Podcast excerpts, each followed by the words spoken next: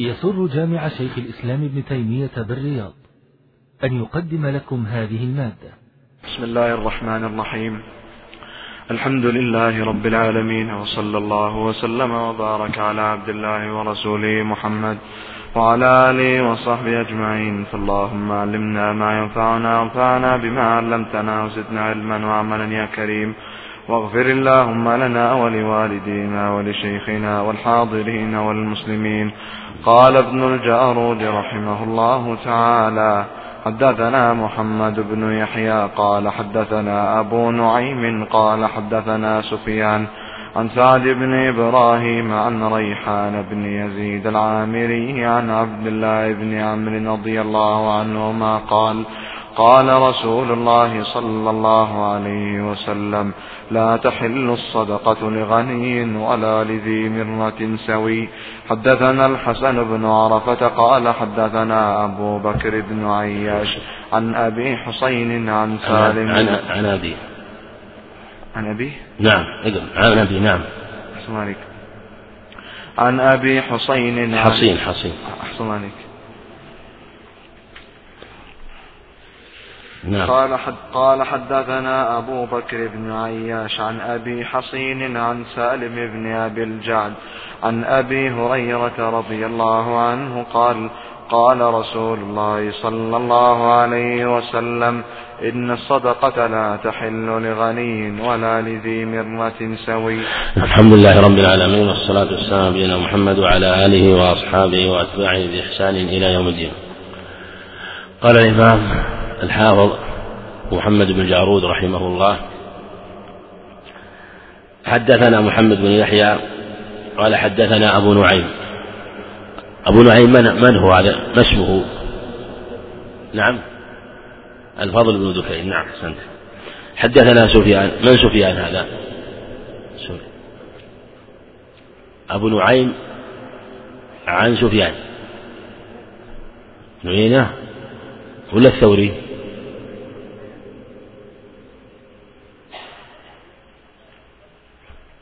أو الثوري.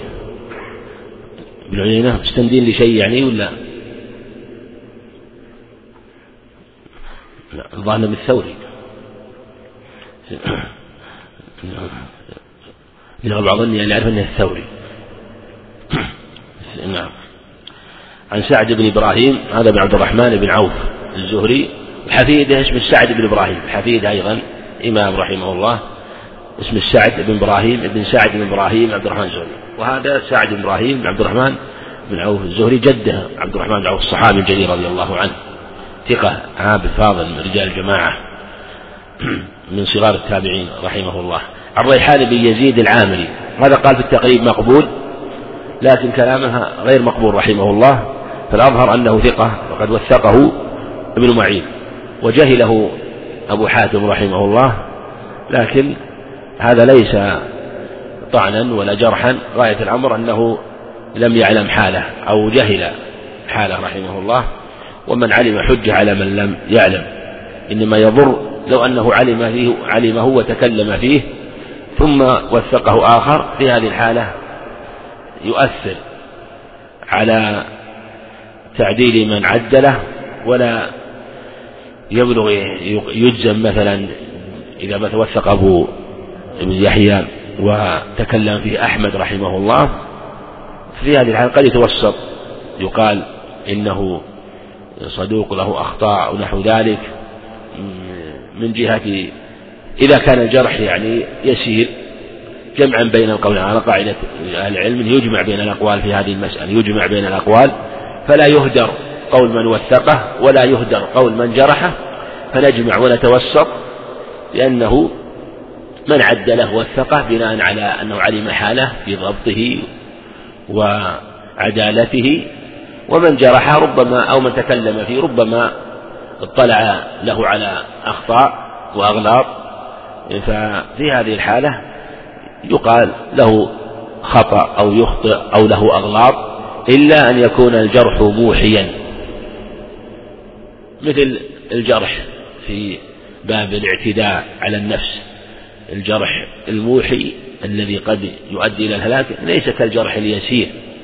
ولهذا ربما يجرحه جرحا يكون حكم حكم القاتل عنه وقد يجرحه جرحا يسيرا يكون لا يكون لو مات منه لا يكون حكم حكم القاتل العم.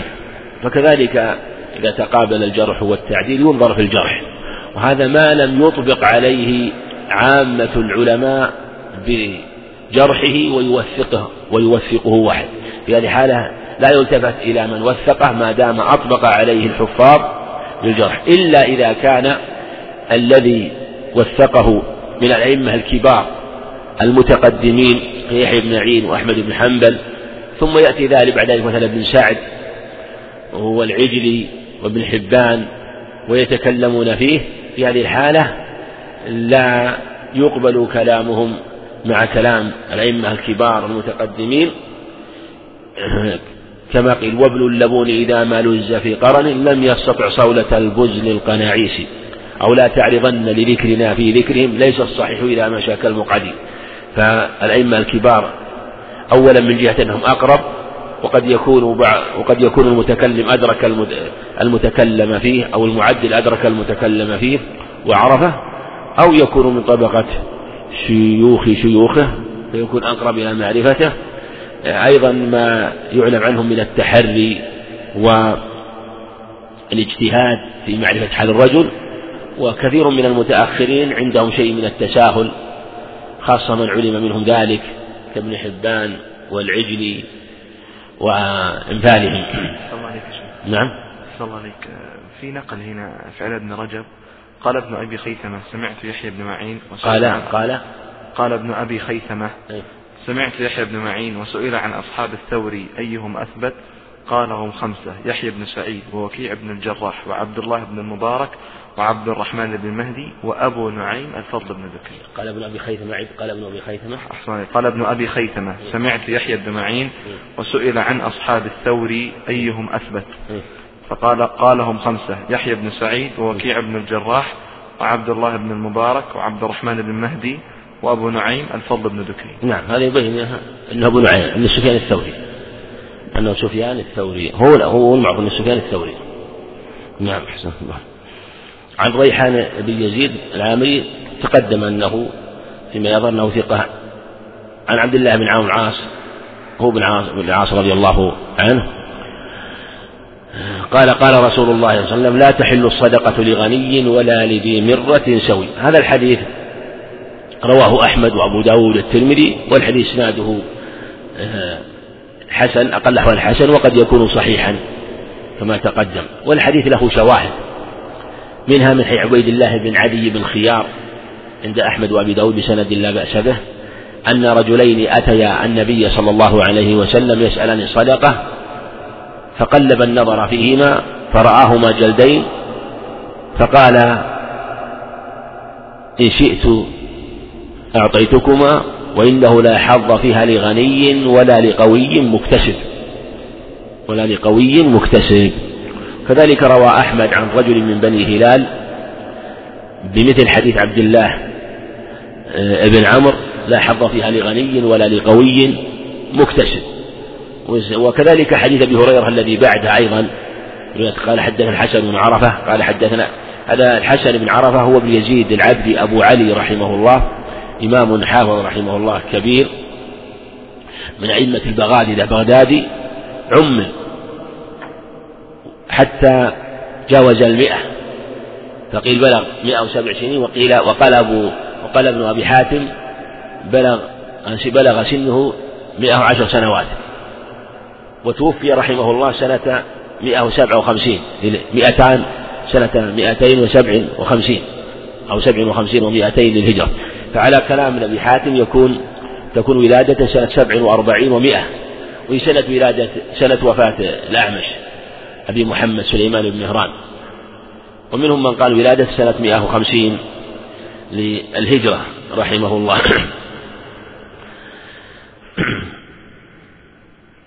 وحديث أبي هريرة قال حدثنا عن أبي حصين أبي حصين هو عثمان بن عاصم بالفتح. أبو حصين أما أما حصين حصين بن عبد الرحمن ثقة من رجال الشيخين بلا كنية بالفتح. وفيه أيضا أبو حسين لكن المشهور في الرواة حسين عبد الرحمن وأبو حصين عثمان بن عاصم. ثقة رحمه الله. عن سالم بن أبي الجعد الغطفاني ثقة. وله وله إخوة أيضا. رووا الحديث. عن أبي هريرة رضي الله عنه قال قال رسول الله صلى الله عليه وسلم إن الصدقة لا تحل لغني ولا لذي مرة سوي. هذا الحديث من رواية سالم بن أبي الجعد عن أبي هريرة وهو لم يسمع منه على المشهور.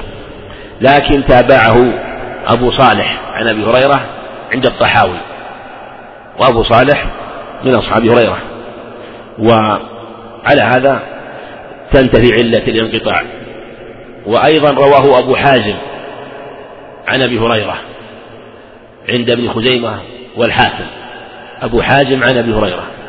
أبو حازم عن أبي هريرة. ما اسمه؟ عندنا أبو حازم عن أبي عباس سالم سعد. وأبو وأبو حازم عن أبي هريرة. نعم. عن أيهما؟ و وعن سهل بن سعد. ها؟ سلمان. هذا من؟ عمن أو سلمة بن دينار عن سهل. لا الذي عن سهل اسمه سلمة بن دينار. سلمة بن دينار. هذا عن أبي عباس. والذي عن أبي هريرة اسمه سلمان. أبي حازم المدني.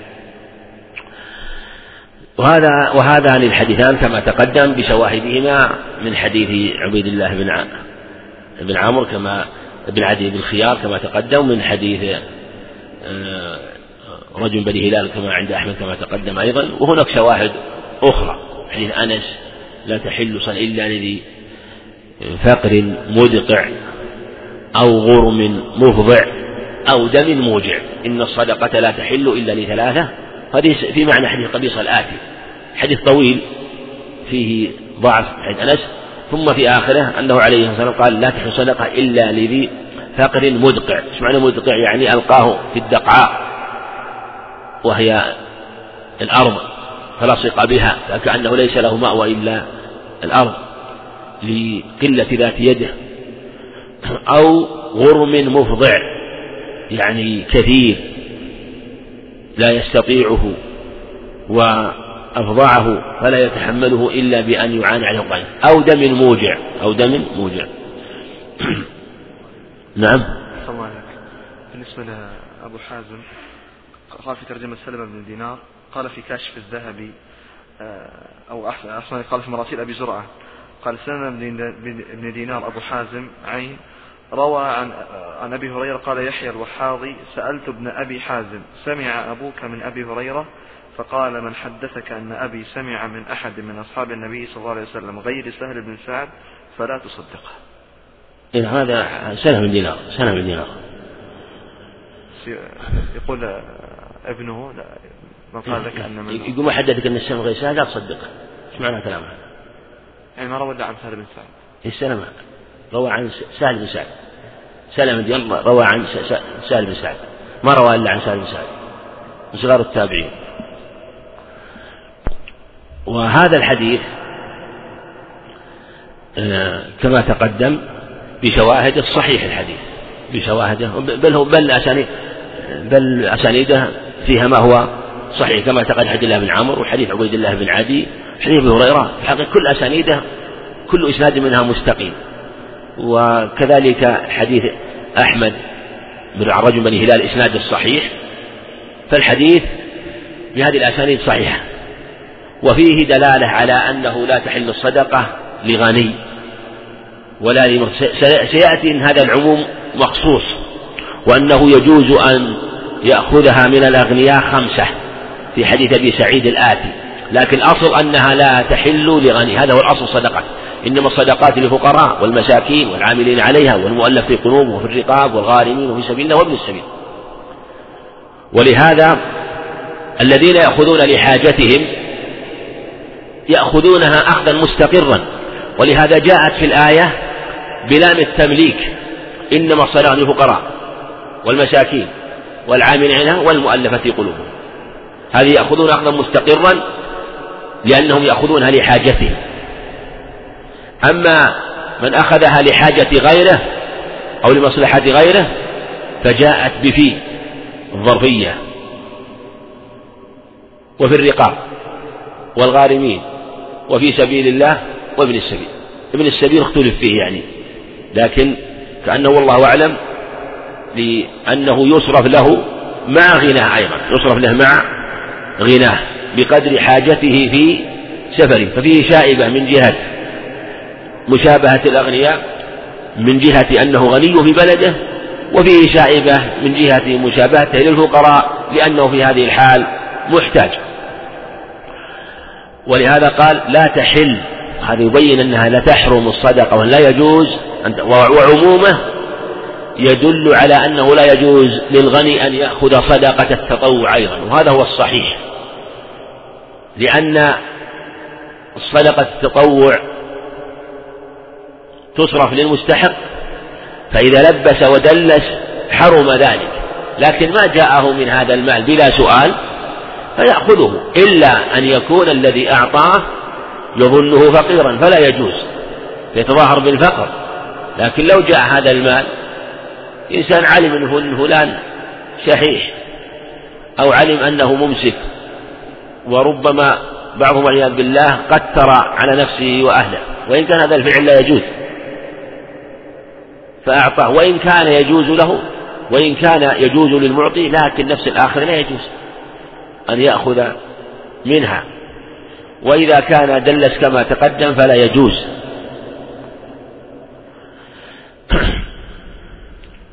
ولهذا قال إني أراكما جلدين هنا قال لا تحصن صدقة لغني.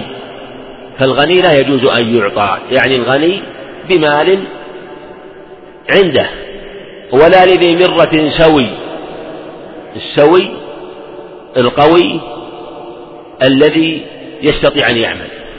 لكن هذه الرواية فسرتها رواية عبيد الله بن غياث ولا لذي مر لغني ولا لقوي مكتسب. فسر المرة بالقوي وفسر السوي بالمكتسب. وعلى هذا لو كان الإنسان قوي وسوي لكن أخرق ما يستطيع. فلا بأس يعطى من الزكاة لكن إذا كان قويا مكتسبا فهل تحل له الزكاة أو لا تحل له الزكاة؟ قوي ومكتسب. إنسان يستطيع وفقير الآن لكن لو بيعمل يستطيع. ولا مشقة عليه. هل تحل الزكاة أو ما تحل ذهب الإمام أحمد والشافعي إلى لا تحل الزكاة. لو يجوز بعض الناس يسأله قوي. فالصحيح أنه لا يجوز يعطى من الزكاة. فإذا جاء يسأل ورأيناه وظهر لنا من حاله القوة بينا لك كما بين النبي عليه الصلاة والسلام. نقول يا أخي أنت إنسان شباب إنسان صحيح البدن لماذا لا تعمل؟ لا تسأل. فيبين له. فإذا أظهر قال أنا لم أجد عملا اجتهدت وبحثت في هذه الحالة نعطيه أو قال أنا لا أحسن ودخلت في كم يعني تجارة وضاربت في بعض التجارات لكن ما تحصل لي شيء نقول ما دام صنع الأسباب فيها يعطى بقدر ما يقيم حاجته ويعينه على صنعته. ولا بأس أن يعطى على الصحيح مالا يجعله رأس مال يعمل به. يعني يعطى ويعطى أيضا شيئا يسيرا هو في الحقيقة محتاج له لكنه يأخذ لأنه قد مثلا يعطى مثلا شيء من المال يكفيه مدة ستة أشهر أو مدة سنة فيأخذ شيئا منه لحاجته وحاجة أهله مدة نصف سنة ويأخذ الباقي ويجعله رأس مال لا بأس بذلك لأنه في الحقيقة يجوز أن يصرف له ولو لم يجعله رأس مال. لهذا نقول إنه لا يحل لك ما دمت مكتسبا إلا إذا عانيت العمل فلم يتيسر لك ما الدخل فيعطى. ذهب مالك وأبو حنيفة رحمة الله عليهم إلى أن يجوز أن يعطى القوي المكتسب. طيب قلنا لهم هذا الحديث. قالوا هذا الحديث المراد به أنه لا يجوز أن يسأل. واضح الجواب عن الحديث؟ ماذا أجابوا عن هذا الحديث؟ لأن العالم لا يترك الحديث اعتباطا لا. لا بد أن يتأول أو يفسر. إيش قالوا عن هذا الحديث؟ نعم. إن المراد به لا تحل له يعني لا يحل له أن يسألها لكن لو جاءه ابتداء جاز ذلك. نقول إن أعطيها ابتداء ابتداء على أنها مال. هبة أعطيها لا بأس لكن أعطيها على أنها زكاة يعلم أنها زكاة فلا يجوز. وإلا فإذا جاءت على أنها ليست زكاة لا بأس به ما أتاك من هذا المال وأنت غير سائل ولا مشرك خذه. بل لو كان غنيا لا بأس. لكن هل هذا التأويل يقبل؟ الصحيح أن الحديث على ظاهره والقاعدة عند علماء الأصول أن التأويل المرجوح لا يقبل إلا بدليل. التأويل الناشئ عن غير دليل لا يقبل. ولأن هذا في الحقيقة ممكن يأتي على أي دليل. واسع باب التأويل. فنقول قول النبي عليه الصلاة والسلام لا تحل الصدقة لغني كما ذكر الغني ذكر القوي في سياق واحد وليس فيه التفصيل في الغني. كذلك الفقير كذلك القوي المكتسب ولو كان فقيرا فإنه لا يجوز. والنبي عليه قال إني أراكما جلدين. بل قال أراكما جلدين. فعلل بالجلاد وذلك أن الجلد الغالب القوي يكون له قدرة على الكسب.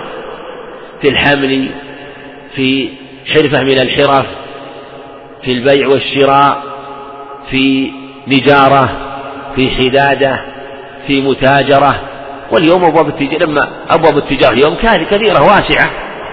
لكن ذكرت هذه الأشياء التي فيها عمل. لأن يعني بعض الأشياء التي تحتاج مثلا إلى دراسة وتحتاج قد يكون لا يستطيع معاناته لكن هناك شيء من أبواب التجارة يستطيع أن يبيع ويشتري مما يستدعي منه الجلد والقوة.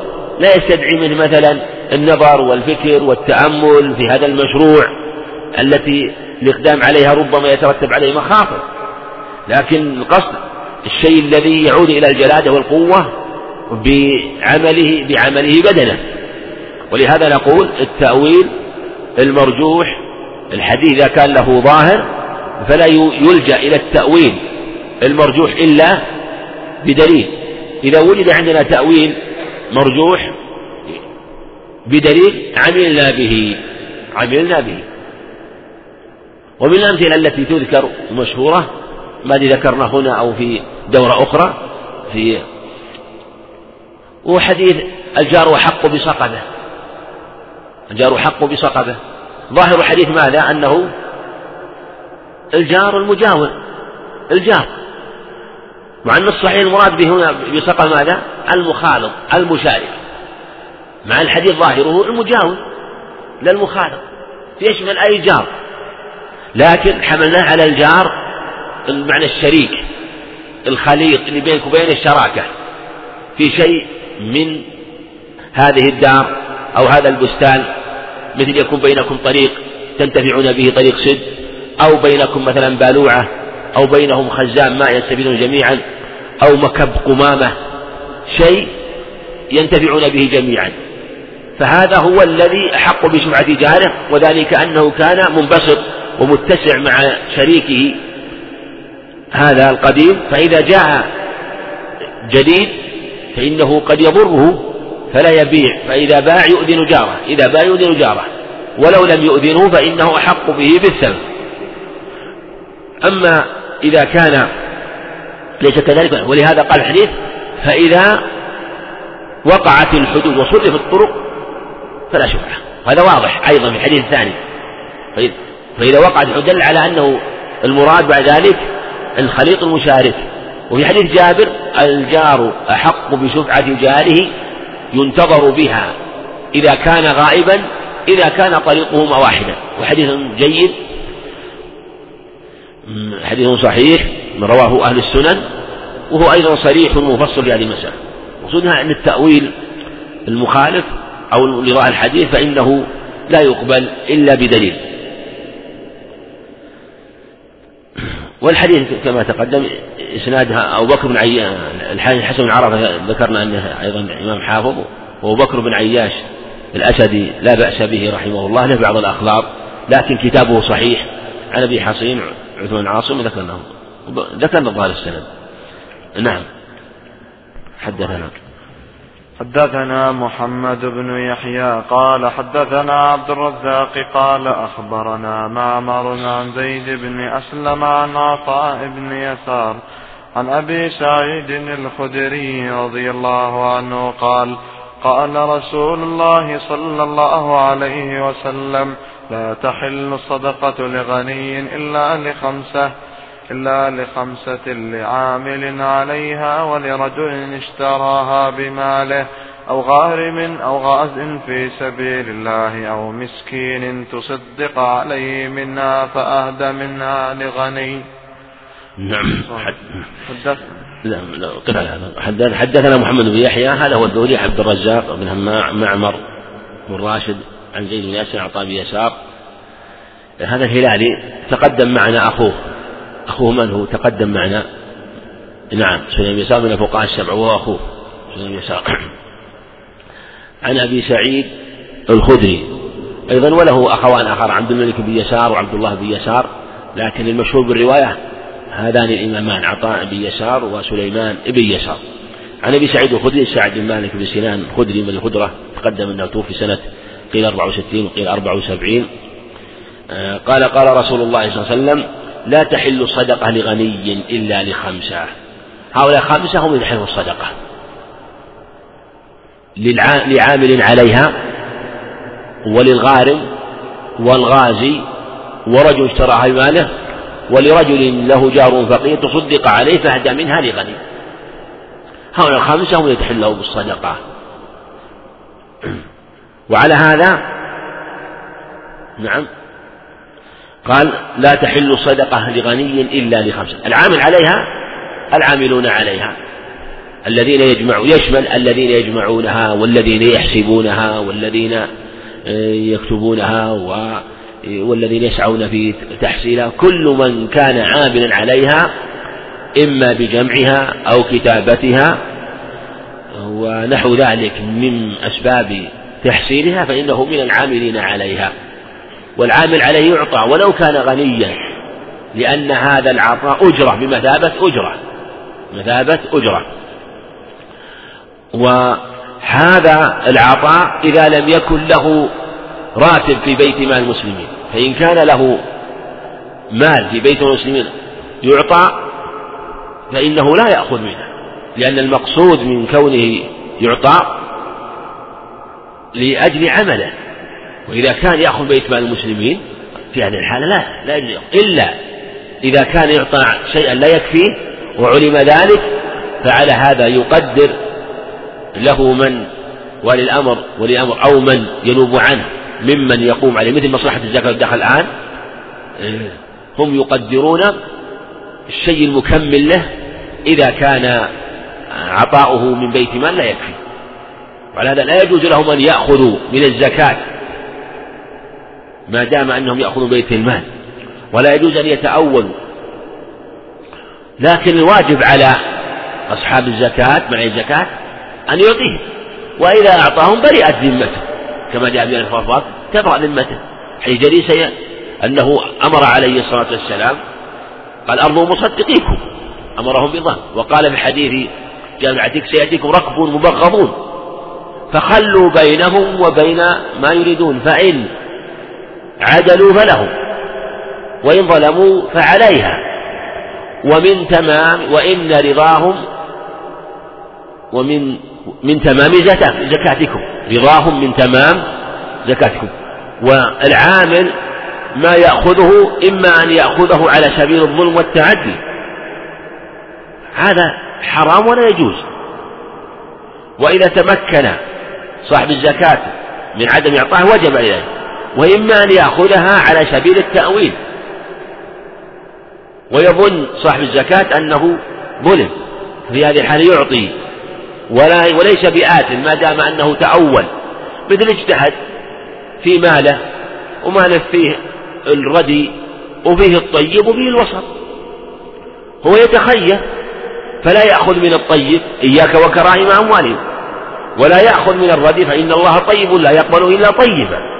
ولكن من وسط أموالكم فإن الله لم يأمركم بخيره ولن يقبل منكم شره.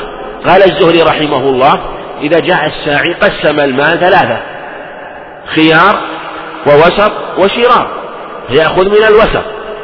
فربما ظن صاحب الزكاة أن الواجب عليه دون المأخوذ والساعي يرى أن الواجب دون فوق ما عرضه صاحب الزكاة. في هذه الحالة الواجب عليه أن يسلم للساعي لأن الساعي المفروض فيه أن يعلم وأن يكون عنده بصيرة بالواجب على ما عليه الزكاة. فينظر في المال ويقدر على وجه لا يظلم صاحب الزكاة ولا يظلم المستحقين لها. فإذا اجتهد فإن أصاب فله أجران وإن أخطأ فله أجر واحد. هذا هو العامل عليها. والعامل عليها كما تقدم شامل كل من يقوم عليها. ولهذا يأخذ أخذا مستقرا. ولهذا وجاءت في الآية بلام التمليك إنما الصدقة للفقراء والمساكين والعامل عليها. هؤلاء الأربعة يأخذون أخذا على سبيل التمليك. ولرجل اشتراها بماله. تقدم الإشارة إلى هذا في حديث عمر رضي الله عنه وما جاء من حديث ابن عباس أنه عليه الصلاة والسلام قال ليس لنا مثل السوء العائد في هبته كالكلب يقي ثم يعود في قيئه. في حديث عمر رضي الله عنه لا تعد في صدقة ولا تشتر ولو أعطاكه بدرهم فإن العائد في صدقته كالكلب يقي ثم يعود في قيئه. وفي حديث ابن عمر وابن عباس عند أحمد وأبي داود وحديث صحيح لا يحل لأحد أن يعطي العطية إلا الولد فيما يعطي لولده. لا يحل وهذا يشمل كل عطية. يدخل فيه الصدقة يدخل فيه الهبة يدخل فيه العطية يدخل فيه كل ما آه، وصل إلى الآخذ من مال ممن قدمه له. لا يجوز له. أن أن يعود فيه إلا أن يكون المأخوذ على سبيل الاستحياء. بسيف الحياء. ما أخذ بسيف الحياء فهو حرام. بل قد يكون سيف الحياء أعظم من السيف المصلح. ولا يجوز لإنسان أن يأخذ مالا من سبيل يأتي ويحرج شخص قدام أمام الناس فيقول أنت فلان وأنت الكريم و وأنا أريد أن تعطيني هذا القدر من المال أمام الناس ويطلب منها من الناس. فربما يستحيي فيعطيه. والله يعلم منه سبحانه وتعالى. والناس الحاضرون يعلمون ذلك أنه كاره لذلك. لكن أعطاه حياء هذا لا يجوز ولا يطيب ولا يحل للمعطى حرام عليه. ومنه من الإلحاح بالمسألة في السؤال والطلب. الذي يكون فيه إيذاء للمسؤول وأيضا إلحاح من السائل مع التذلل لغير الله سبحانه وتعالى. هذا أيضا لا يجوز. سيأتي الإشارة إلى المسألة. ولرجل اشتراها بماله هذا الحديث اختلف العلماء أو هذه اللفظة اختلف فيها العلماء. ما الحديث وقع في خلاف هل هو مرسل أو متصل؟ الصحيح أنه متصل وإسناده هنا صحيح. والحديث كما تقدم رواه أحمد وأبو داود وهو صحيح. ووصله وصله ثقة. كما قال العراقي في ألفية واحكم بوصل ثقة في الأظهر وقيل بل إرساله للأكثر. والصحيح هنا قول الأقل وإن كان خلاف قول الأكثر إذا وصل إنسان ثقة وأرسل غيره فالصواب أنه يحكم لمن وصل ويحكم لمن لمن يعني لمن وصله ولمن رفعه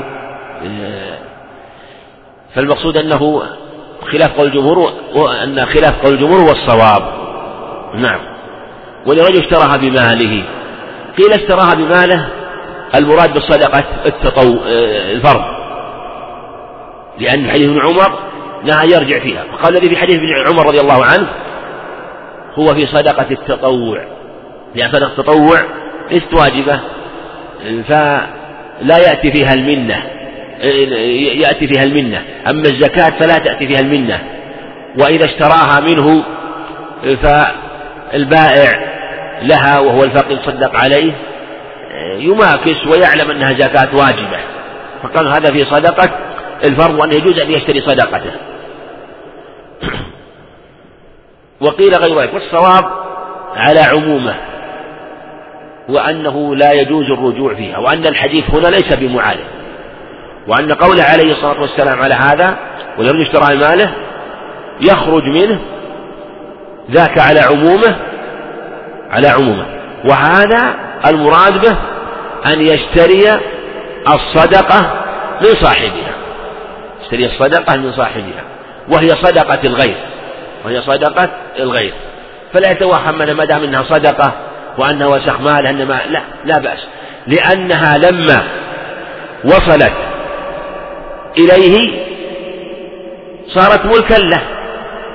وتغير الأسباب ينزل منزل تغير الذوات. تغير الأسباب كما سيأتينا في في أو هنا في الحديث هذا. سيأتينا في الحديث. أو مسكن تصدق عليه منها فهدى لغني. وعلى هذا نقول لو اشتراها لا بأس لكن اشتراها وهي ليست صدقته إنما هي صدقة غيره أو غارم. الغارم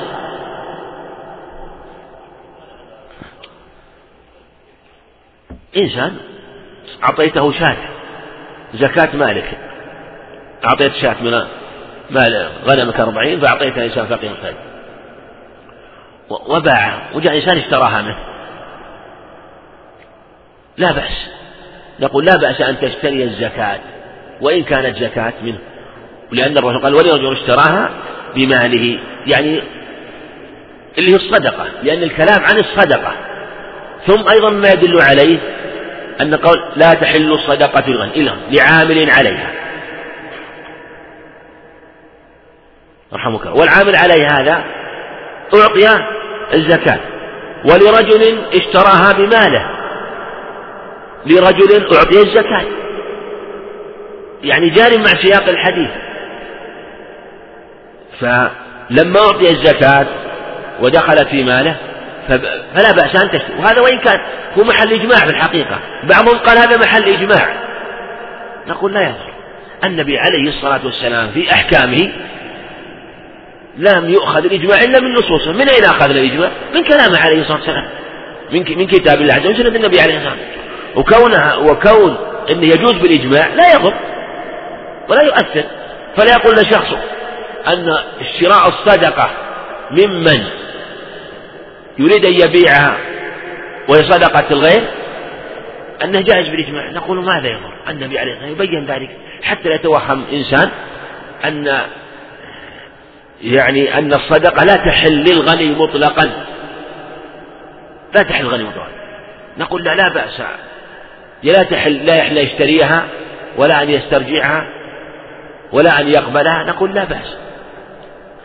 ولهذا لا بأس أن يقبلها لو أعطاه هدية من باب أولى. يعني أو نقول كذلك لو أعطاه هذا الفقير هدية هذه زكاة أو اشتراها وهي من باب أولى فلا بأس بها. أو غارم الغارم يطلق على نوعين. من غرم لذات نفس مصلحة نفسه ومن غرم لمصلحة غيره. فيعطى لكن في الحقيقة المراد هنا من المراد هنا؟ لمصلحة من؟ غيره. لأن الغارم لمصلحة نفسه هل هو غني ولا فقير؟ فقير. وعلى هذا لا. لكن من جهة التقسيم من جهة مستحق الزكاة قسمان أما في الحديث فالغارم هنا الغارم الغني. من هو الغارم الغني؟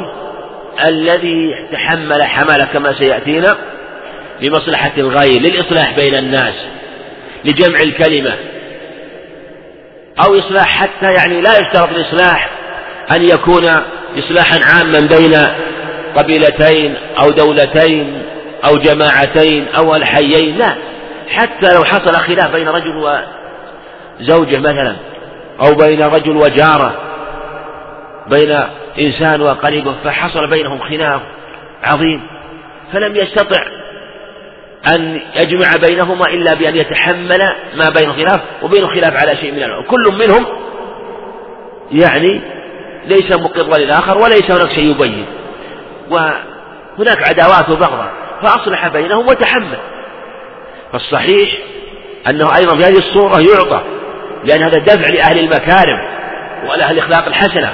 وهذه من كانت من الخصال التي في الجاهلية.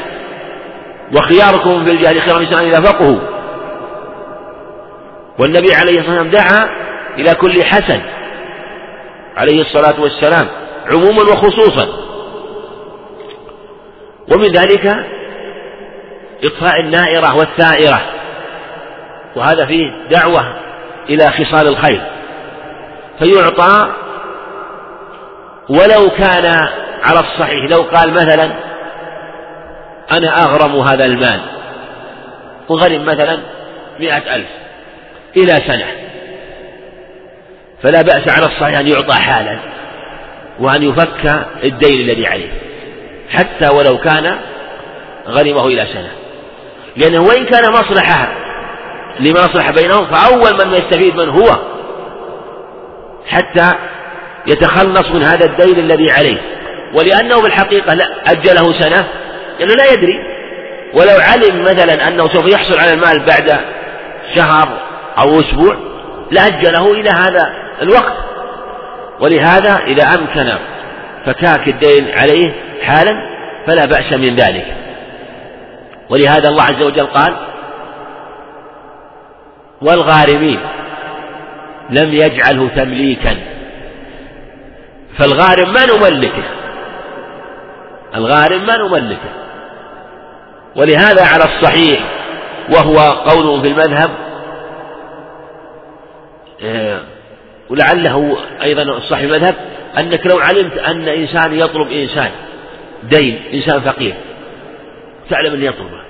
وذهبت إلى الغني إلى إلى إلى الغريم الغريم يطلق على الدائن يطلق على المدين. ذهبت إلى الغريم اللي هو الغارم اللي هو صاحب الدين. الغارم يكون المدين. أما الغريم يطلق على عليهما جميعا. ذهبت إلى الغريم وأعطيته بدون علم الغارم يجزئ ولا ما يجزئ؟ يجزى على الصحيح.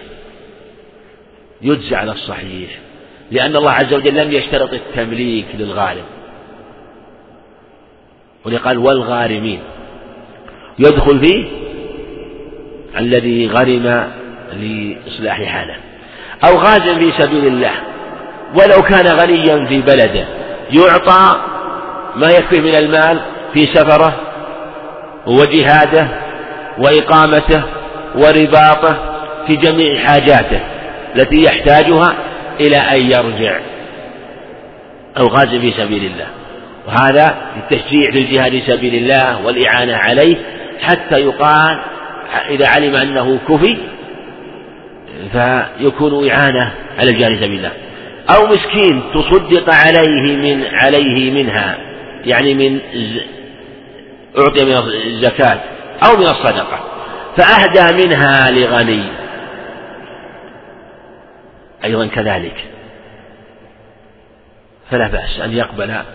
وهذا مثل ما تقل اشترى ماله فصدق فكذلك الصدقة أو كذلك العطية أو الهبة للغني. ثبت في الصحيحين من حديث أنس ومن حديث عائشة رضي الله عنها أنه دخل النبي عليه الصلاة والسلام آه، وكان في البيت لحم يفور فسأل عن منها قالوا قالوا هذا من اللحم الذي تصدق به على بريرة. فقال عليه الصلاة والسلام هو عليها صدقة. في لفظ في البخاري هو لها صدقة ولنا هدية ولنا هدية. وكذلك أيضا في حديث أم عطية في الصحيحين أنه عليه الصلاة والسلام رأى جاءه منها هدية فسأل عنه. أو أو رأى إيه نساء فقال فقالت عائشة رضي الله عنها من اللحم الذي تصدق به على أم عطية. فقال عليه الصلاة والسلام أما إنها قد بلغت محلها. كذلك معناه في حديث جويرية. زوج النبي عليه الصلاة والسلام في قصة أم عطية وقال أما إنها قد بلغت محلها. والعلماء يقولون من قواعد الفقهية تبدل الأسباب ينزل منزلة تبدل الذوات لأنها لما تحولت صدقة إليها ملكتها هي صدقة فملكتها فلما ملكتها بعد ذلك هي أهدتها. هي صدقة في ذاتها لكن لما جاء أهدت منها صارت هدية فتبدلت وكانت من أول صدقة ثم صارت هدية للتغير والتبدل من جهة القصد والنية في تبدل الأسباب. وتبدل الأسباب ينزل منزلة تبدل الذوات يعني في من؟ يعطي الشيء فقد يعطيه صدقة وقد يعطيه هدية. والنبي عليه الصلاة والسلام إذا أتاه إذا أتي بطعام سأل صدقة هدية؟ فإن كان هدية صدقة لم يقبله وإن كان هدية قبل عليه الصلاة والسلام. أو متصدقا عليه منها فأهدى منها لغيره. وهذا آه، الحديث كما تقدم إسناد الصحيح آه، على الصحيح وقد رواه أحمد وأبو داود. نعم. حدثنا. قال حدثنا محمد بن يحيى قال وفيما قرأت على عبد الله بن نافع وحدثني مطرف وحدثني مطرف عن مالك عن زيد بن أسلم عن عطاء بن يسار عن رجل من بني أسد قال نزلت أنا وأهلي ببقيع الغرقد فقال لي أهلي اذهب إلى رسول الله صلى الله عليه وسلم فسله لنا شيئا نأكله وجعلوا يذكرون من حاجتهم فذهبت إلى رسول الله صلى الله عليه وسلم فوجدت عنده رجلا يسأله ورسول الله صلى الله عليه وسلم يقول لا أجد ما أعطيك فأدبر الرجل عنه وهو مغضب وهو يقول لعمري إنك لتعطي من شئت. فقال رسول الله صلى الله عليه وسلم إنه ليغضب علي ألا أجد ما أعطيه. من يسأل منكم وله أوقية أو عدلها؟ فقد سأل إلحافا قال الأسدي فقلت لقحتنا خير من أوقية قال مالك والأوقية أربعون درهما فرجعت ولم أسأل فقدم على رسول الله صلى الله عليه وسلم بعد ذلك شعير وزبيب فقسم لنا منه حتى أغنانا الله من فضله. حدثنا محمد بن يحيى قال فيما قرأت على عبد الله بن نافع. هذا هو الصائغ المخزومي ولا بأس به عبد الله بن نافع.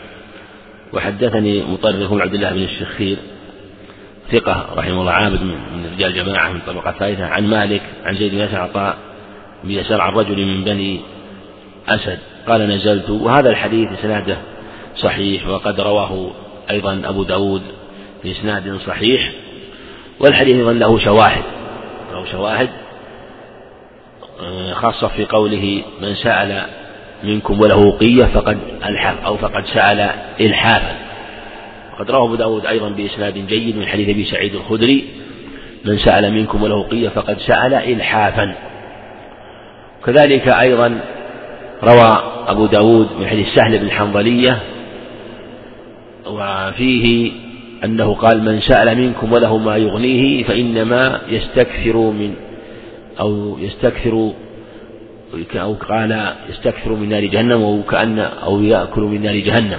من سأل منكم وله ما يغنيه فإنما يسأل جمرا. وهذا ثابت أيضا في صحيح مسلم حديث هريرة. من سأل وله مال فإنما يسأل جمرا فليستقل أو ليستكثر.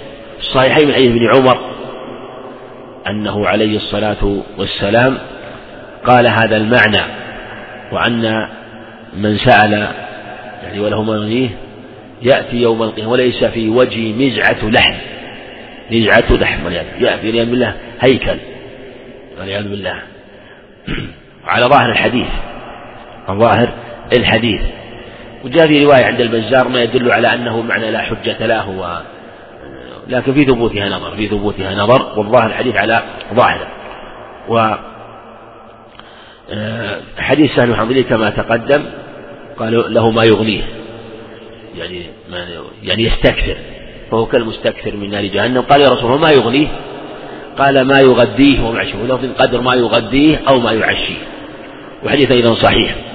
وهو ورواه أبو داود مطول من رواية الأقرع بن حابس وعويلة بن حصن الفزاري أنهما أتيا إلى النبي عليه الصلاة والسلام يسألانه مالا فأمر معاذ فكتب لهما عليه الصلاة والسلام. فأما عيينة وفي رواية الأقرع بن حابس فوضع كتابه في عمامته وذهب والنبي كتب لهم إلى عامله لكي يعطيهم. وأما الأقرع أحدهما قيل أقرع بن عيينة فقال أذهب بكتابي كصحيفة المتلمس لا أدري ما فيه. فبلغ معاوية رضي الله عنه النبي عليه السلام بقوله فقال عليه الصلاة والسلام من سأل وله ما يغنيه فإنما يستكثر من نار جهنم. قالوا وما يغني رسول قال قدر ما يغذيه وما يعشيه. صحيفة متلمس هذه صحيفة تذكر في الجاهلية لجرير بن عبد الملك وعبد المسيح وأنه هجا عمرو بن هند مع شاعر آخر. آه، بن عبد ها؟ من؟ طرفه بن عبد أحسنت طرفه بن عبد. هو آه، وفيه أنهما هجيا عمرو بن هند فكتب لهما كتابا إلى عامله ويعني أوهمهما أنه هدية أنه أمر له المال. فوضع أما جرير بن عبد الملك بن عبد المسيح هذا فإنه فض الكتاب فوجده فوجد فيه أنه إذا أتاك فلان فاقتله وذكر نوعا من القتل. فقال طرفه فض الكتاب. فقال لا فضه يعني يريد أنه ائتمن عليه فلا يفضه. فذهب فقطع منه الأكحل فتركه ينزف حتى مات. مع أنه وقتل وهو شباب. هذا الجاهلية. فالمقصود أن آه، أن الأحاديث متضافرة على هذا المعنى عن النبي عليه الصلاة والسلام. آه، في حديث رجل بني أسد الذي هو عند مصنف وعند أبي داود وفي حديث أبي سعيد الخدري أيضا عند أبي داود حديث صحيح وحديث سهل بن حنظلية أيضا آه، في هذا الباب. وهي في الحقيقة تشبه تلك الأحاديث تقدم لا الصلاة لا تحل غني ولا ذي مرة سوي. أسانيدها كلها صحيحة وهذه أيضا كل أسانيدها آه، صحيحة هذا تلك تقريبا حديث عبد الله بن عمرو وحديث عبيد الله بن عدي حديث أبي هريرة رجل بني هلال أربعة. وهنا حديث آه، رجل بني أسد كما هنا وحديث أبي سعيد الخدري وحديث سهل بن حنظلية. آه، كلها لكن حديث أبي سعيد وحديث رجل بني أسد فيه أنه عليه الصلاة قال من سأل وله قية فقد سأل إلحافا. أما حديث سهل بالحنظلية ففيه وله قدر ما يغذيه أو ما يعشيه. واختلفت الأخبار في هذا الباب. حديث ابن مسعود قدر خمسين درهما. خمسين درهما. وفي حديث سمرة عند الثلاثة بإسناد صحيح سمرة بن جندب رضي الله عنه أن النبي عليه الصلاة والسلام قال المسألة كد يكد الرجل بها وجهه وفي لفظ كدوح وخموش أو قال كدوح يكدح الرجل بها وجهه يعني في التراب إلا أن يسأل الرجل سلطانا أو في أمر لا بد منه يعني لا فراق ولا فرار منه بل لا بد له منه. والأحاديث في هذا كما قال العلم اختلفت لأنه بحسب اختلاف حال السائلين وأن هذه الأحاديث في حال السؤال حال السؤال. والمسألة لها حال والزكاة لها حال. فالمسألة لا تكون إلا عند الضرورة. أما الإنسان إذا كان لم يكن مضطر فلا يسأل.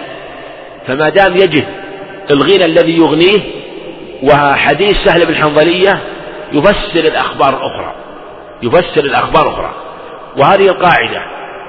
وهذا الذي يتبين لي والله أعلم أن حديث سهل بن حنظلية يفسر حديث رجل بني أسد وحديث أبي سعيد الخدري لأن لأن فيهما من سأل وله أوقيه والأوقيه أربعون درهما في بعضها خمسين درهما. وجاءت أحاديث مختلفة لكن هذه أصح الأخبار الواردة في هذا الباب. وعلى هذا نقول إن من وجد غنى يغنيه فلا يجوز له أن يسأل. فلو أن الإنسان هو يجد طعامه في غدائه و في طعامه من أول النهار وطعامه من آخر النهار. يوم بيوم. ليس موجود معه لكن بحرفته. لا يجوز ولو كان لا يجد الآن يجد طعامه في هذا اليوم. لكن ليس عنده للغد. وهو للغد سوف يجد في العادة. إما لحرفة أو نحو ذلك من الأعمال. فلا يجوز أن يسأل ولو كان فقيرا. مستحقا للزكاة. الزكاة له أن يأخذها. له أن يأخذها.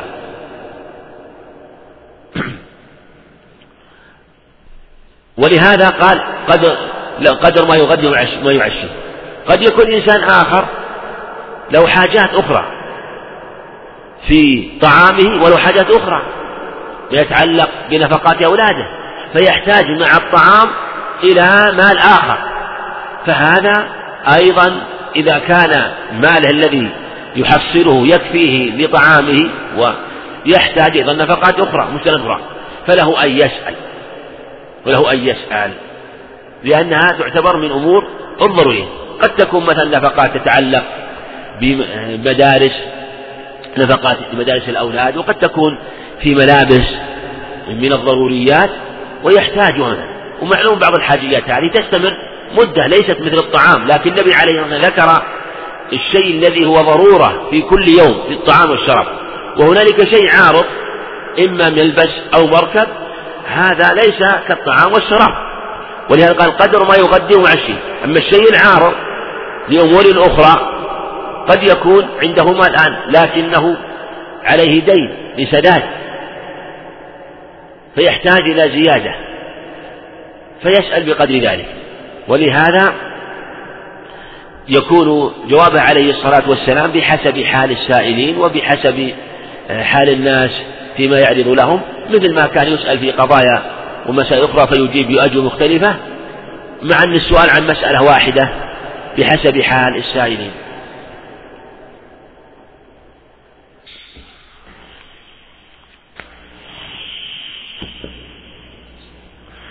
الله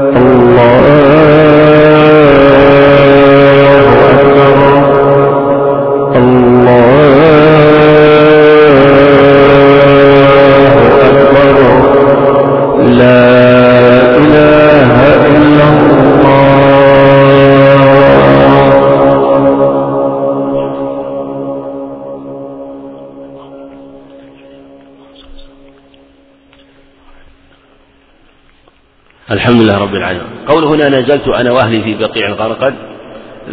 بقيع الغرقد أصله مدفن أهل المدينة والغرقد يقولون شجر لا شوك له يشبه آه، السدر. يعني يشبه السدر. والغرقد. والغرقد له أو له شوك الغرقد يعني أو كالسدر يعني لكنه كالسدر.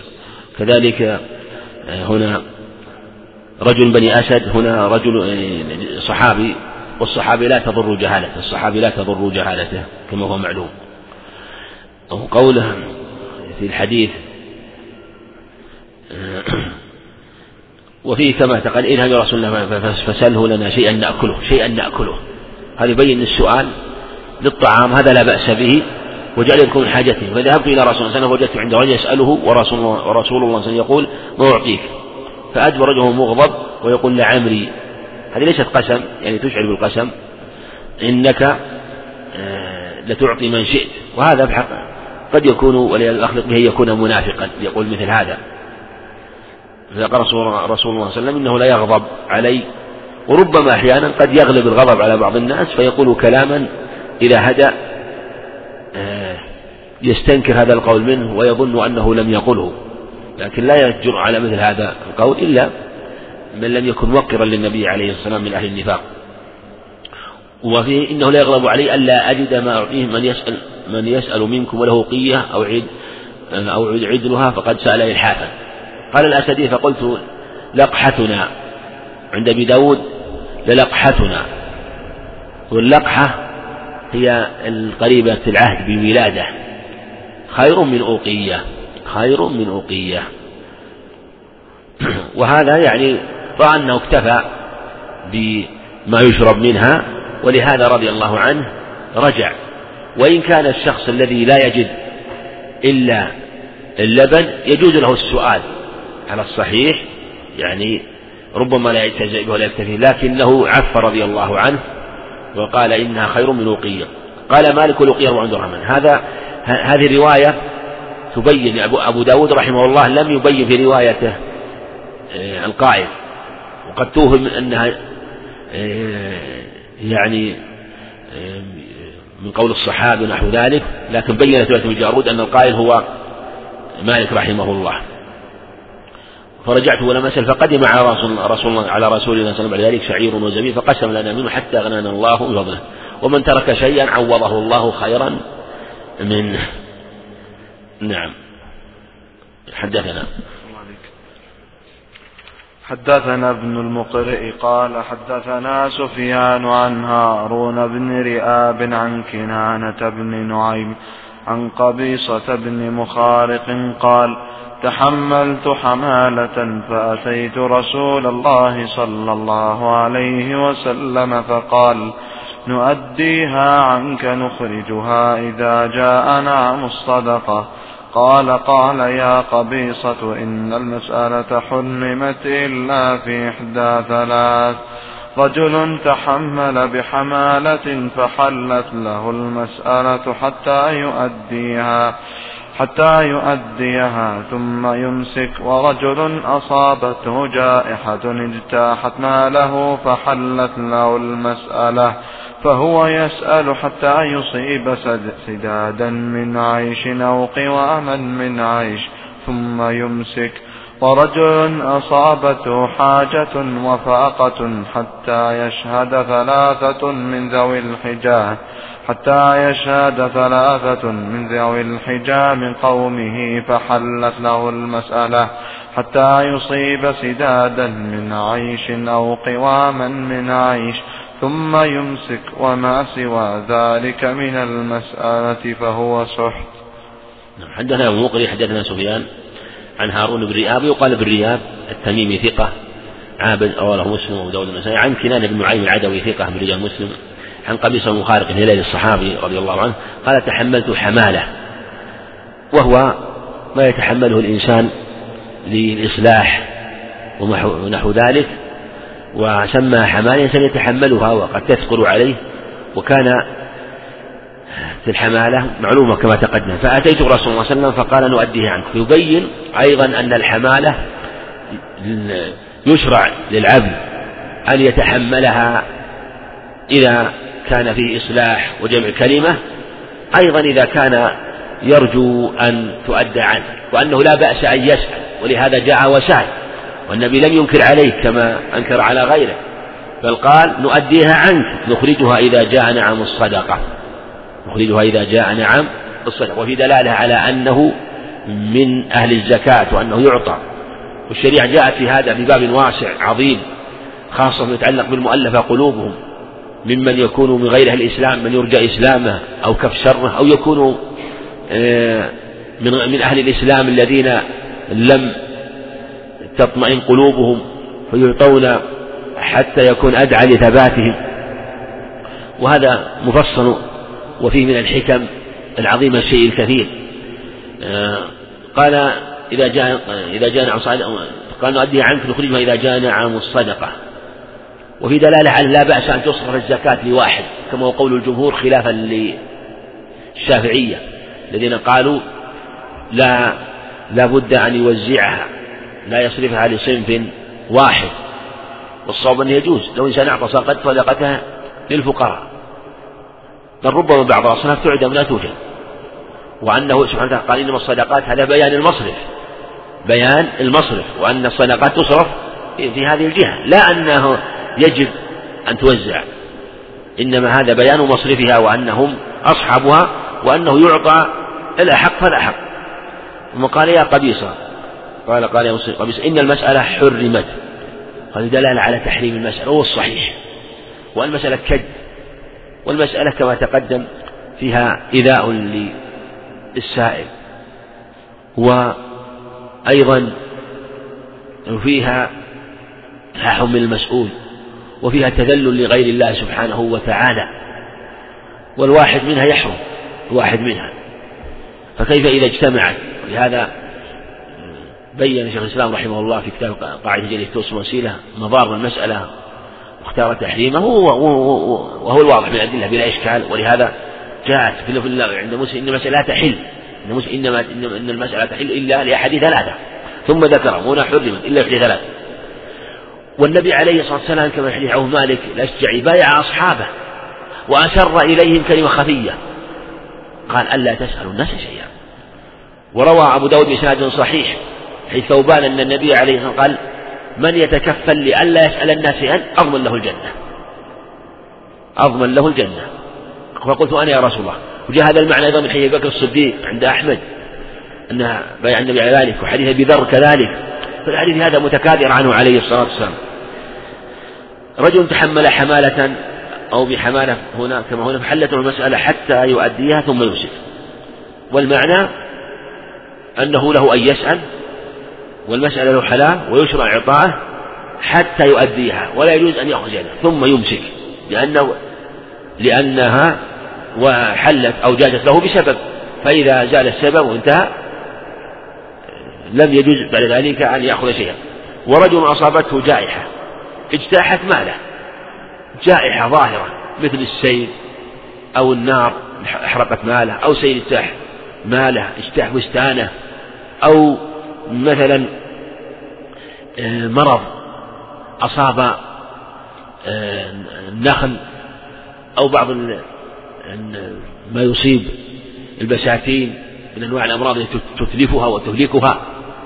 هذا ظاهر بين فحلته المسألة ولا يحتاج إلى ولهذا ما يحتاج إلى بين. لأنه أمر ظاهر واضح بين. فهو يسأل حتى يصيب سدادا. سداد بالكسر. من عيش أو قوام. والقوام بالكسر أيضا. والسداد والقوام هو ما يقيم الخلة وال والحاجة. فيقوم وينشط لحصول حاجته. ثم يمسك. سدادا من عيش أو من عيش ثم يمسك. ورجل أصابته حاجة وفاقة. وهذا في من لم يعلم له مال. أو في من علم له مال في الحقيقة. حاجة وفاقة. لأن قول حاجة وفاقة يفهم أنه كان غني. ثم أصابته فاقة. مثل ما يقع لكثير من الناس حينما يدخل في تجارة فينكسر. لكنه لا يعلم. هو معلوم أنه تاجر معلوم أنه غني فادعى الفقر. لسبب خفي. انكسار تجارة. خسارة مثل ما يقع اليوم في تجارة الأسهم. هذا في بينة الإعسار الجمهور يكفي إثنان والصحيح أنه لا بد من ثلاثة على نص الحديث. وإن كان بل هو قول بل الأئمة الأربعة يقولون إنه لا بد أو الجمهور الجمهور يعني هل الجمهور أربعة أو خالف؟ ننظر المذهب المقصود أنهم بل المذهب كذلك اثنان. فيقولون يكفي اثنان والصحيح أنه لا بد من ثلاثة لا بد من ثلاثة هذا نص الحديث. ورجل أصابته حاجة وفق حتى يشهد ثلاث ذوي الحجاب الحجاب أهل العقل والفهم لأن هذا يحتاج تبصر ويكونون أيضا من قومه من قرابته. فيبينت الإعسار لا بد من ثلاثة. فيقولون نعم لقد أصابته فاقة هذا في من علم له مال. أما من لم يعلم له مال فالصحيح يكتفى بظاهر حاله ويعطى. ما نحتاج نسأل البينة. إنسان فقير. إما نعلم أنه فقير أو نجهل حاله. يعني ليس له حال تعلم. أما من علم حاله بالغنى وادعى الفقر فلا. يبين التشديد في أمر الزكاة والحفاظ عليها لأنها لأهلها. والله سبحانه لم يجعل قسمتها لأحد لا لنبي ولا لرسول عليه الصلاة والسلام. بل قسمها بنفسه. فإن كان من أهل هذه الأجزاء أعطي. ولهذا يتحرى ويتحقق. فحل الوزن حتى يصيب سداد معيشة أو قوام معيشة ثم يمسك. وما سوى ذلك من أسئلة فهو سحت حرام والعياذ كل جسد نبت من نبت من سحت فالنار أولى. والحديث رواه مسلم وتقدمت الأحاديث في هذا الباب. حدثنا نعم. الجراد من الجائحة يا شيخ؟ نعم كذلك كل ما يصيب. كل ما يصيب البساتين من الآفات التي تتلفها وتهلكها من الجوارح. لكن هذا إذا لم يكن عنده مال إذا أتلفت ماله لكن إنسان غني. أتلفت بستانه وغني ما يعطى هذا.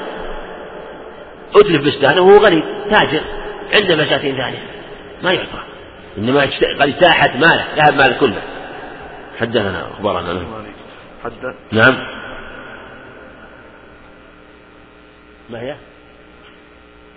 من هذه بحث عاد لعل إن شاء الله يذكر إن شاء الله لعل شيء في الغد إن شاء الله. إن شاء الله لعله لأنه فيها تفصيل كثير. ونشير إليه إن شاء الله. نعم. السلام قال أخبرنا حميد بن مسعدة قال حدثنا يزيد وهو ابن زريع قال حدثنا ابن عون عن نافع عن ابن عمر رضي الله عنهما قال أصاب عمر رضي الله عنه أرضا بخيبر فأتى النبي صلى الله عليه وسلم فقال أصبت أرضا لم أصب مالا قط أنفس عندي منه فكيف تأمر بي؟ قال إن شئت حبست حبست أصلها وتصدقت بها فتصدق بها على فتصدق بها على فتصدق بها على الأتباع. فتصدق بها على أن لا تباع ولا توهب ولا تورث في الفقراء والقربى وفي سبيل الله.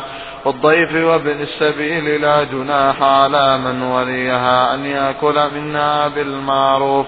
ويطعم صديقا غير متمول فيه. حدثنا زياد قال حدثنا إسماعيل قال حدثنا أيوب عن نافع نحو حديث ابن عون وقال يليها ذو الرأي من آل عمر. قف على حديث هذا. أخبرنا حميد هذا ابن سعد المبارك السامي من رجال مسلم وأهل السنن وهو صدوق لا بأس به صدوق كما قال في التقريب. حدثنا يزيد ابن زريع هذا أبو معاوية البصري ثقة ثبت رجال الجماعة حدثنا ابن عون هو عبد الله بن عون بن أرطبان أبو عون البصري ثقة قال في التقريب ثقة ثبت ظالم رجال الجماعة عن نافع عن ابن عمر رضي الله عنه قال أصاب عمر أرضا بخيبر فأتى النبي صلى الله عليه وسلم. فقال أصبت أرضا لم أصب مالا قط أنفس عندي فكيف تأمر به؟ كانوا رضي الله عنه بادرون إلى أطيب المال بالصدقة به يمتثل قوله تعالى لن تنالوا البر حتى تنفقوا ما تحبون. في قوله سبحانه وآتى المال على حبه. إما على حبه هو يعني على محبته كما في الصحيحين. أفضل الصدقة حديث هريرة رضي الله عنه أفضل الصدقة أن تصدق وأنت صحيح شحيح تخشى الفقر وتأمل الغنى ولا تغني. حتى إذا بلغت الحلقوم قلت لفلان كذا ولفلان كذا وقد كان لفلان. وفي حديث أبي الدرداء رضي الله عنه عند أبي داود لأن يتصدق أحدكم في حياته وصحته بدرهم خير من أن يتصدق عند موته بمئة درهم. أو هذا من حديث أبي هريرة. حديث أبي الدرداء مثل الذي يهدي أو مثل الذي يتصدق عند الموت مثل مثل الذي يهدي إذا شبع هما حديثان بهذا وبهذا. فالمعنى أن الصدق أن تصدق وأنت صحيح شحيح قال عليه الصلاة والسلام أيكم ماله أحب إليه منه قال كلنا يا رسول الله كلنا يا رسول الله ماله أحب إليه من؟ ولد قال فإن ماله ما قدم ومال وارثه ما أخر. هو ماله. ولهذا لا يكون ماله إلا إذا قدمه. في حال الصحة. أما في حال المرض فإنها صدقة ضعيفة. ولهذا قال الحسن يشرفون فيها مرتين. ينفقونها في غير سبيلها في حال الصحة ويسرفون فيها عند الموت. لما رخصت الدنيا عنده وأحس بالآخرة وضعف تعلقه بها ضعف تعلق بالمال. لا رغبة في الآخرة لا لأنه علم أن الموت قريب حينما أحس بالموت. ولذا لم يترك للإنسان حرية التصرف هذا من أعظم حكم الشريعة.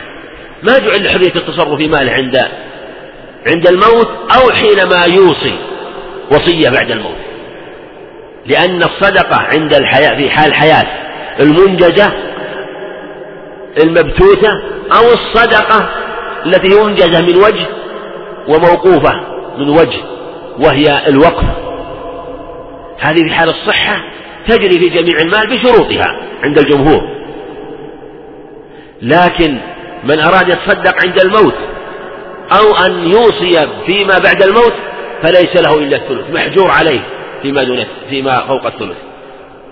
في الثلث لغير وارث. بل لو علم أن فيه ضرر على الورثة لا يجوز أن يوصي بالثلث. ولهذا أبو بكر رضي الله عنه اختار الخمس وهو ما اختاره سبحانه وتعالى وذكره في كتابه.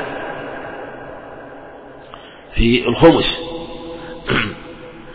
ولهذا قال لم أصب مالا قط أنفس عندي منه. وكذلك حديث أبي طلحة زيد بن سهل الأنصاري رضي الله عنه حينما تصدق بالبستان وقال إنها أطيب ماله مقابلة مقابلة المسجد. فاستشار النبي عليه الصلاة والسلام فقال اجعل تجعلها في الأقربين. لكن اختلف العلماء هلها هلها في الأقربين على سبيل الوقف عليهم أو على سبيل الصدقة؟ هذا موضوع خلاف. وذكر الحافظ رحمه الله في بعض الروايات ما يدل على أنها على سبيل الصدقة وأن حسان رضي الله عنه باع نصيبه منه دل على أنها ليست على سبيل الوقف عليهم. قال فكيف تأمر به؟ قال إن شئت حبست أصلها.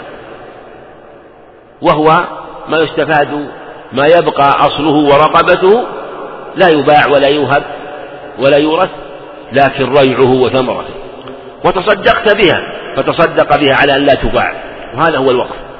ولا توهب ولا تورث في الفقراء والقربى وفي سبيل والضيف وابن السبيل. لا جناح على موليها أن يأكل المعروف ويطعم صديقا غير متمول. وذكر في باب الزكاة ظاهر وأن المستحقين غالب المستحقين لهم أهل الصدقات من الفقراء والقربى من الفقراء وفي سبيل الله وابن السبيل. وفيه دلالة أيضا على أن بعض المال يصرف للغني لأن هنا ذكر في الحديث الناس من هم من يأخذها بمسمى الفقر والحاجة ومن يأخذها مع الغنى وهو الضيف يأخذ منها. كذلك القريب قد يكون غنيا وهكذا الزكاة أيضا. فأشبه الوقف الزكاة. فتارة يعطى الإنسان من الوقف لفقره وحاجته تارة يعطى لقرابته أو لاستحقاقه لأنه ضيف فيأخذ حقه من الضيافة من هذا الوقت كذلك مال الصدقات تارة يكون للأغنياء وتارة يكون للفقراء كما ذكر سبحانه وتعالى وكما في حديث أبي سعيد المتقدم ويطعم صديقا غير متمول يعني المقصود أن يكون الصدقة لحاجته. لا يعطى إنسان من هذا رأس مال يتاجر به لا هذه صدقة ما دمت أنت مستغن عنه يصرف للمستحق. حدثنا زياد زياد هو بن أيوب الطوسي هو يسمى شعبة الصغير ثقة حافظ من رجال البخاري. حدثنا إسماعيل هذا هو ابن عليا. وأيوب بن أبي تميمة سختين عن نافع نحوه نحو الحديث المتقدم. حدثنا ابن نحو حديث ابن عون. وقال يليها ذو الرأي من آل عمر وأن المقصود في الوقف أن يليه من كان من أهل الرأي والنظر حتى يصرفه في وجوهه الشرعية. والله أعلم. يقول طالب علم متفرغ لطلب العلم وليس له مجال اكتساب والعمل فهل يجوز أن يأخذ نصيب من الزكاة كما طلبه نعم الصحيح لا بأس. إن أمكن يجمع بين يستعب عن الزكاة ويعمل كان ذلك. وإن تفرغ لطلب العلم يعطى من الزكاة. نعم يعطى من الزكاة لنفقة يعطى من الزكاة لشراء الكتب. ولهذا العلماء قالوا لو إنسان تفرغ للعبادة للصلاة والصوم ونحو ذلك لا يعطى من الزكاة. أما العلم فيعطى إذا لم يتيسر له إلا ذلك وإن أمكن أن يجمع بينهما وأن يستغني عنها كان هو الأفضل لكن لا بأس أن يعطى لشراء الكتب هذا لا إشكال. تعين على طلب العلم.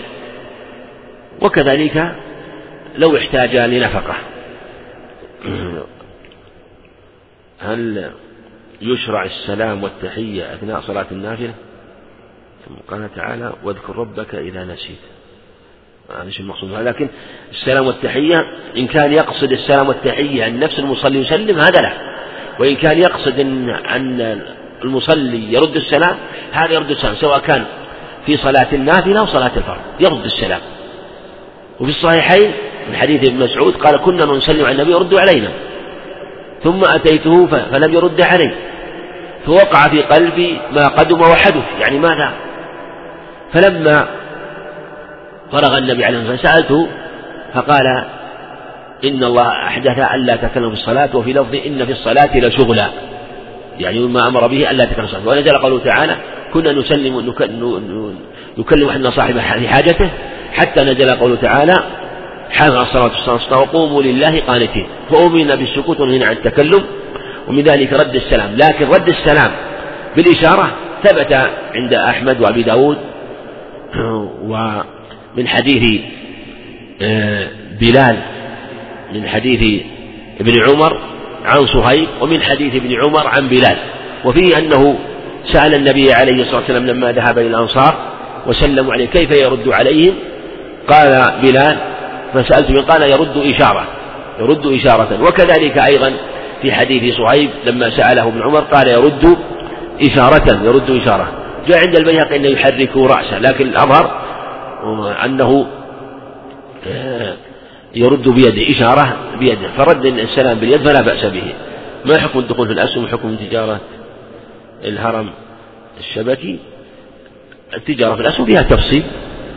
أما التجارة هذه اللي الهرم الشبكي هذه لا تخلو من قمار لا تخلو من قمار وتبين أنها مبنية على القمار وما فلا يجوز الدخول فيها أما تجارة الأسهم فيها تفصيل لأهل العلم آه، ينبغي آه، يعني آه، قبل الدخول فيها أن يعلم الإنسان هذه الأسهم وطبيعتها وطبيعة تجارتها وطبيعة الشركة يدخل فيها ويتحرى بالسؤال فيها وفيها تفصيل